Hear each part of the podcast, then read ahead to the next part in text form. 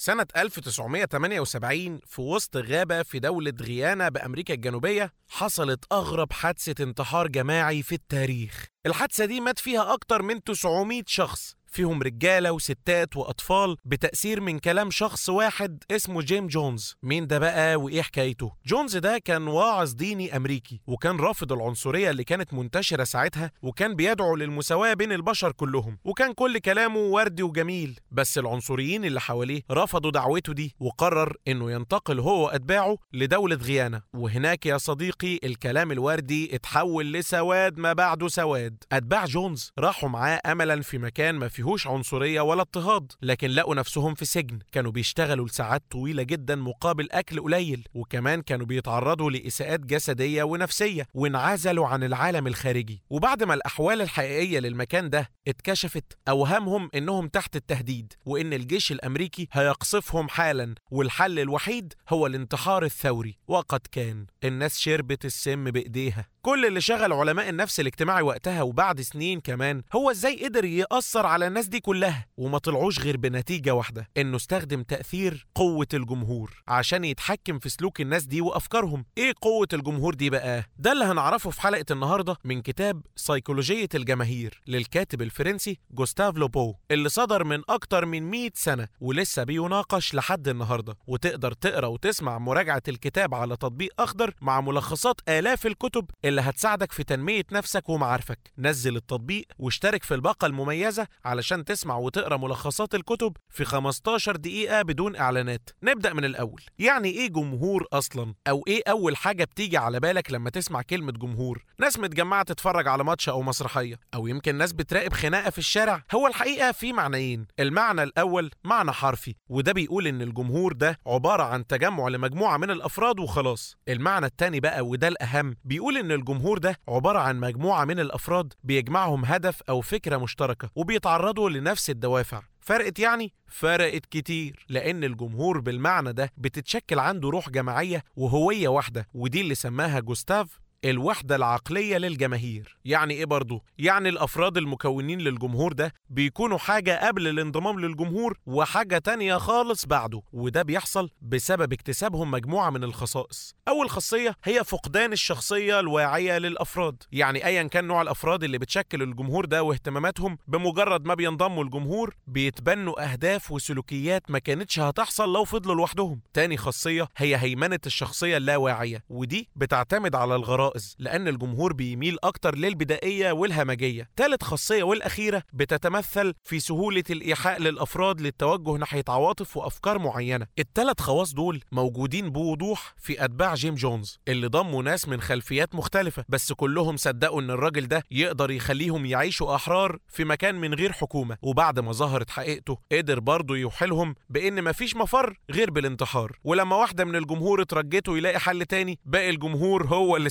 سكتها السؤال بقى دلوقتي الصفات دي بتظهر ليه والحقيقة إنها بتظهر نتيجة ثلاث أسباب أولها إن انضمام الفرد للجمهور بيخليه يكتسب شعور بالقوة وإنه قادر يعمل أي شيء. تاني سبب بقى هو العدوى، والمقصود هنا انتشار المشاعر والأفعال بسهولة وبسرعة داخل أي جمهور. تالت سبب والأهم هو ظاهرة التحريض، ودي بتبقى شبه التنويم المغناطيسي، لأن الفرد المنتمي للجمهور بيكون غير واعي لأفعاله وبتضيع إرادته. أقرب مثال لتأثير الصفات دي في عصرنا الحالي هو ظاهرة التحديات على تيك توك، واللي أغلبها بيكون منافي تماما للمنطق والعقل، ومع ذلك جمهور جمهور التطبيق أغلبه بيعملها زي تحدي ابتلاع أقراص كتيرة من دواء بنادريل عشان يشوفوا هلاوس والتحدي ده اتسبب في موت أكتر من شخص وبكده بنفهم إن الجمهور في منزلة أقل من الفرد من الناحية الفكرية حسب كلام جوستاف لوبو طب من الناحية العاطفية هنلاقي إن الجمهور بيتسم بأربع طباع من الناحية العاطفية. أول طبع هو سرعة الانفعال. زي ما قلنا إن الجمهور بيقوده اللاواعي وبالتالي بيكون سهل تحريضه وقيادته في أي جهة وده بيخليه متقلب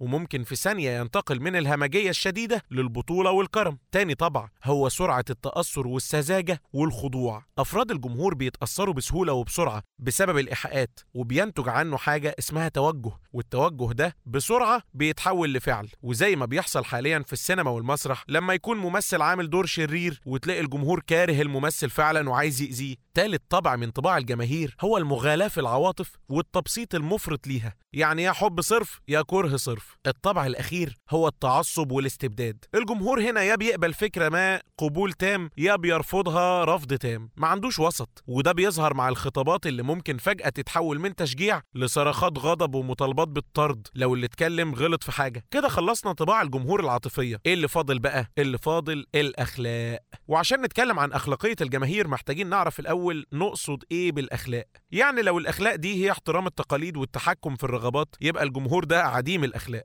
لكن لو قصدنا بالأخلاق صفات زي التفاني والإخلاص والتضحية فكده الجماهير أخلاقها عالية عالية جدا. إيه اللخبطة دي بقى؟ مفيش لخبطة ولا حاجة. أفعال الجماهير ممكن تظهر انحطاط أخلاقي لأنها بتلبي الغرائز البدائية وبتخلي الفرد يأمن العقاب. بس في نفس الوقت الجمهور بيكون مخلص ومستعد للتضحية بنفسه في سبيل فكرة وهدف معين.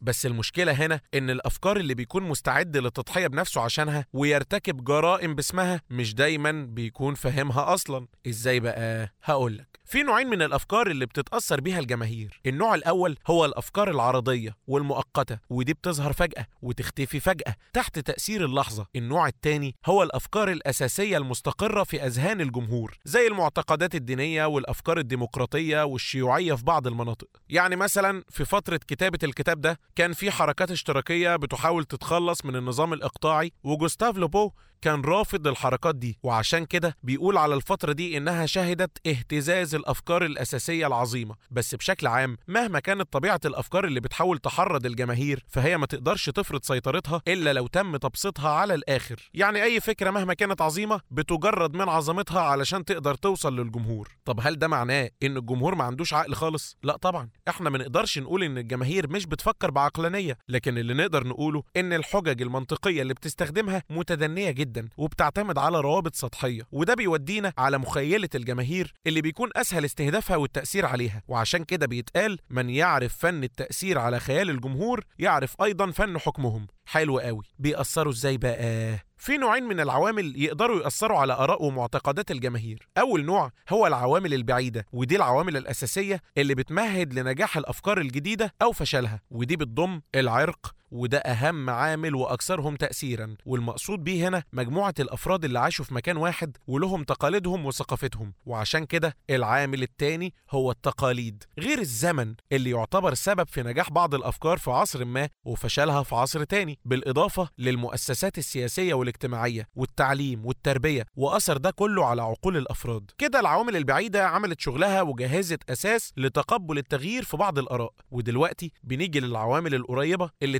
تأثيرها بيكون أسرع. العوامل القريبة بتضم أولا الصور والكلمات. زي ما قلنا إن خيال الجماهير بيتأثر أكتر حاجة بالصور والصور دي بيتم إثارتها من خلال الكلمات بس أي كلمات؟ الحقيقة إن أكتر كلمات صعب تحديد معناها هي اللي بتؤثر أكتر زي كلمة الديمقراطية والحرية ودي كلمات بتحتاج مجلدات عشان تشرح معناها بس ليها قوة سحرية بتحسس الجماهير إنها تحل كل مشاكلهم. تاني عامل هو الأوهام. من بداية الحضارة كانت الجماهير بتتأثر بالأوهام والأكاذيب لأن دي اللي بتمنحها الأمل وبتكذب الحقائق اللي بتزعلها. نابليون نفسه قال لم أستطع إنهاء حرب الفوندي إلا بعد أن تظاهرت بأنني كاثوليكي حقيقي ولم أستطع الاستقرار في مصر إلا بعد أن تظاهرت بأنني مسلم تقي. وعندما تظاهرت بأنني بابوي متطرف استطعت أن أكسب ثقة الكهنة في إيطاليا. ولو أنه أتيح لي أن أحكم شعبا من اليهود لأعدت من جديد معبد سليمان. ثالث عامل من العوامل المباشرة هو التجربة وتعتبر التجربة هي الطريقة الوحيدة الفعالة لترسيخ حقيقة معينة في نفوس الجماهير. بس لازم التجربة دي تتعامل على نطاق واسع وتتكرر أكتر من مرة لأن مش دايما الجماهير بتتعلم من التجارب السابقة. العامل الأخير هو العقل.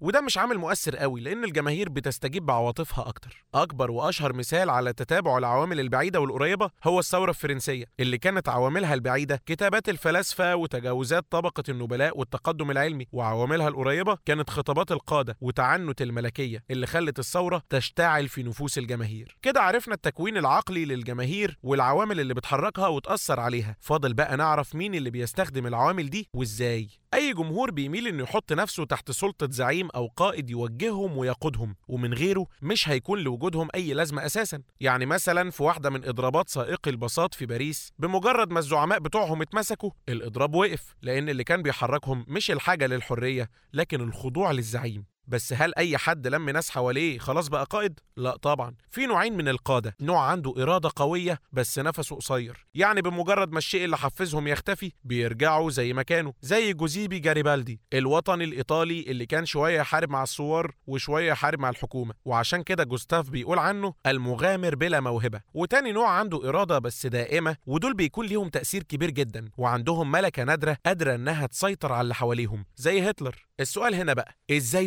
بيعملوا كده. لما يكون هدف القادة إنهم يطلعوا بنتيجة فورية بيأثروا على الجمهور بمحرضات ودوافع سريعة. لكن لما يكون الهدف ترسيخ أفكار ومعتقدات لمدة طويلة بيلجأ القادة لثلاث عمليات مترابطة. هي التأكيد والتكرار والعدوى. التأكيد ده بيكون خالي من البرهان العقلي. ومع ذلك هو من أسهل الطرق لإدخال فكرة في أذهان الجمهور وعشان يكون للتأكيد ده تأثير حقيقي فعلا لازم يتكرر على طول وبنفس الكلمات عشان الجماهير تقبلها كحقيقة مثبتة. وبعد فترة هينسوا مين صاحب الجملة دي. يعني مثلا للترويج للحرب العالمية الأولى جانب الحلفاء فضل يكرر جملة إنها حرب لإنهاء كل الحروب. عشان يشجع الناس على التطوع ليها ويؤمنوا بضروريتها فعلا. والكلام ده طبعا ما كانش حقيقي. وبعد 20 سنة منها قامت حرب أكبر وأعنف. وبعد التكرار بيتشكل تيار الرأي العام وبتبدأ العدوى. وزي ما قلنا إن الأفكار والعواطف عند الجماهير بيكون عندها قوة معدية رهيبة زي عدوى الانفجار الثوري اللي حصل سنة 1848 في باريس وامتد لجزء كبير من أوروبا وحطم أنظمة ملكية كتير. بس كده أي حد يقعد يكرر كلام ويأكد عليه خلاص بقى قائد؟ لا طبعا. في سر خطير هو القادر على نجاح الطرق دي أو فشلها وهو الهيبة. الهيبة دي قوة غامضة كده ونوع من أنواع الهيمنة اللي ممكن يفرضها شخص أو فكرة وبترجع قوتها إنها بتخلينا نندهش كده ونحترم الشخص اللي قدامنا حتى وإحنا مش فاهمين ليه وكمان بتشل قدراتنا النقدية. والهيبة نوعين هيبة مكتسبة دي بتيجي عن طريق الاسم والثروة والسمعة والمنصب زي أفراد عائلة كينيدي مثلا في أمريكا وفي هيبة شخصية ودي ممكن تتواجد من غير سمعة أو منصب. زي مالكوم إكس مثلا واللي بالمناسبة هتلاقي سيرة حياته المميزة جدا على أخضر كاست. أو نابليون اللي كان ليه هيبة من قبل حتى ما يمتلك سلطة. والكلام ده بشهادة جنرالات قابلوه في حملة إيطاليا وكانوا متخيلين إنهم هيسحقوا الشاب الجديد ده لكنه قدر يروضهم بنظرة واحدة من عينيه بس مش الكتاب ده قديم شوية أخضر يعني هل كلامه لسه يصلح لدلوقتي؟ أقول لك يا صديقي وقت صدور الكتاب ده كانت فرنسا متدمرة من حركات ثورية بتحصل جواها وكمان تهديدات خارجية والقوة الحاكمة كانت ضعيفة ومش قادرة تسيطر. وساعتها خرج جوستاف لوبون بنظرية بتقول إن كل الكوارث اللي حلت على فرنسا بترجع لهجوم الجماهير على مسرح التاريخ. نال جوستاف مكانة علمية رفيعة واتقابلت نظرياته بالقبول والاحترام. بس القبول ده حاليا بيتبص له بعين الشك لأن المفكرين والسياسيين اللي أشادوا بالنظرية كان في مصلحتهم إنهم يلقوا اللوم على الجمهور بدل ما يتحملوا أي مسؤولية. فبدأ علماء علم النفس الاجتماعي من 30 سنة تقريبا إنهم يراجعوا النظرية واكتشفوا عدم صحتها في بعض الجوانب زي نفيها التام لفردانية الشخص ووعيه لو انضم الجمهور وده مش حقيقي. أما اللي ثبت صحته فعلا وبأسوأ الطرق هو طرق التحكم في الجماهير واللي استعان بيها هتلر وموسوليني وبدل ما يستخدم الكتاب ده لتحذير الشعوب بقى دليل إرشادي للطغاة. وده طبعا ما كانش هدف جوستاف. بس حتى مع كل الجدل ده يا صديقي بيرجع لجوستاف لوبون الفضل في نشأة علم نفس الجماهير. وبكده يا صديقي نكون خلصنا. فاضل بس إنك تسأل نفسك هل في سلوكيات أو أفكار معينة بتتبناها ومش عارف إيه السبب؟ لو أيوة بص حواليك كده وشوف هل ده تأثير الجمهور. وبس كده. سلام.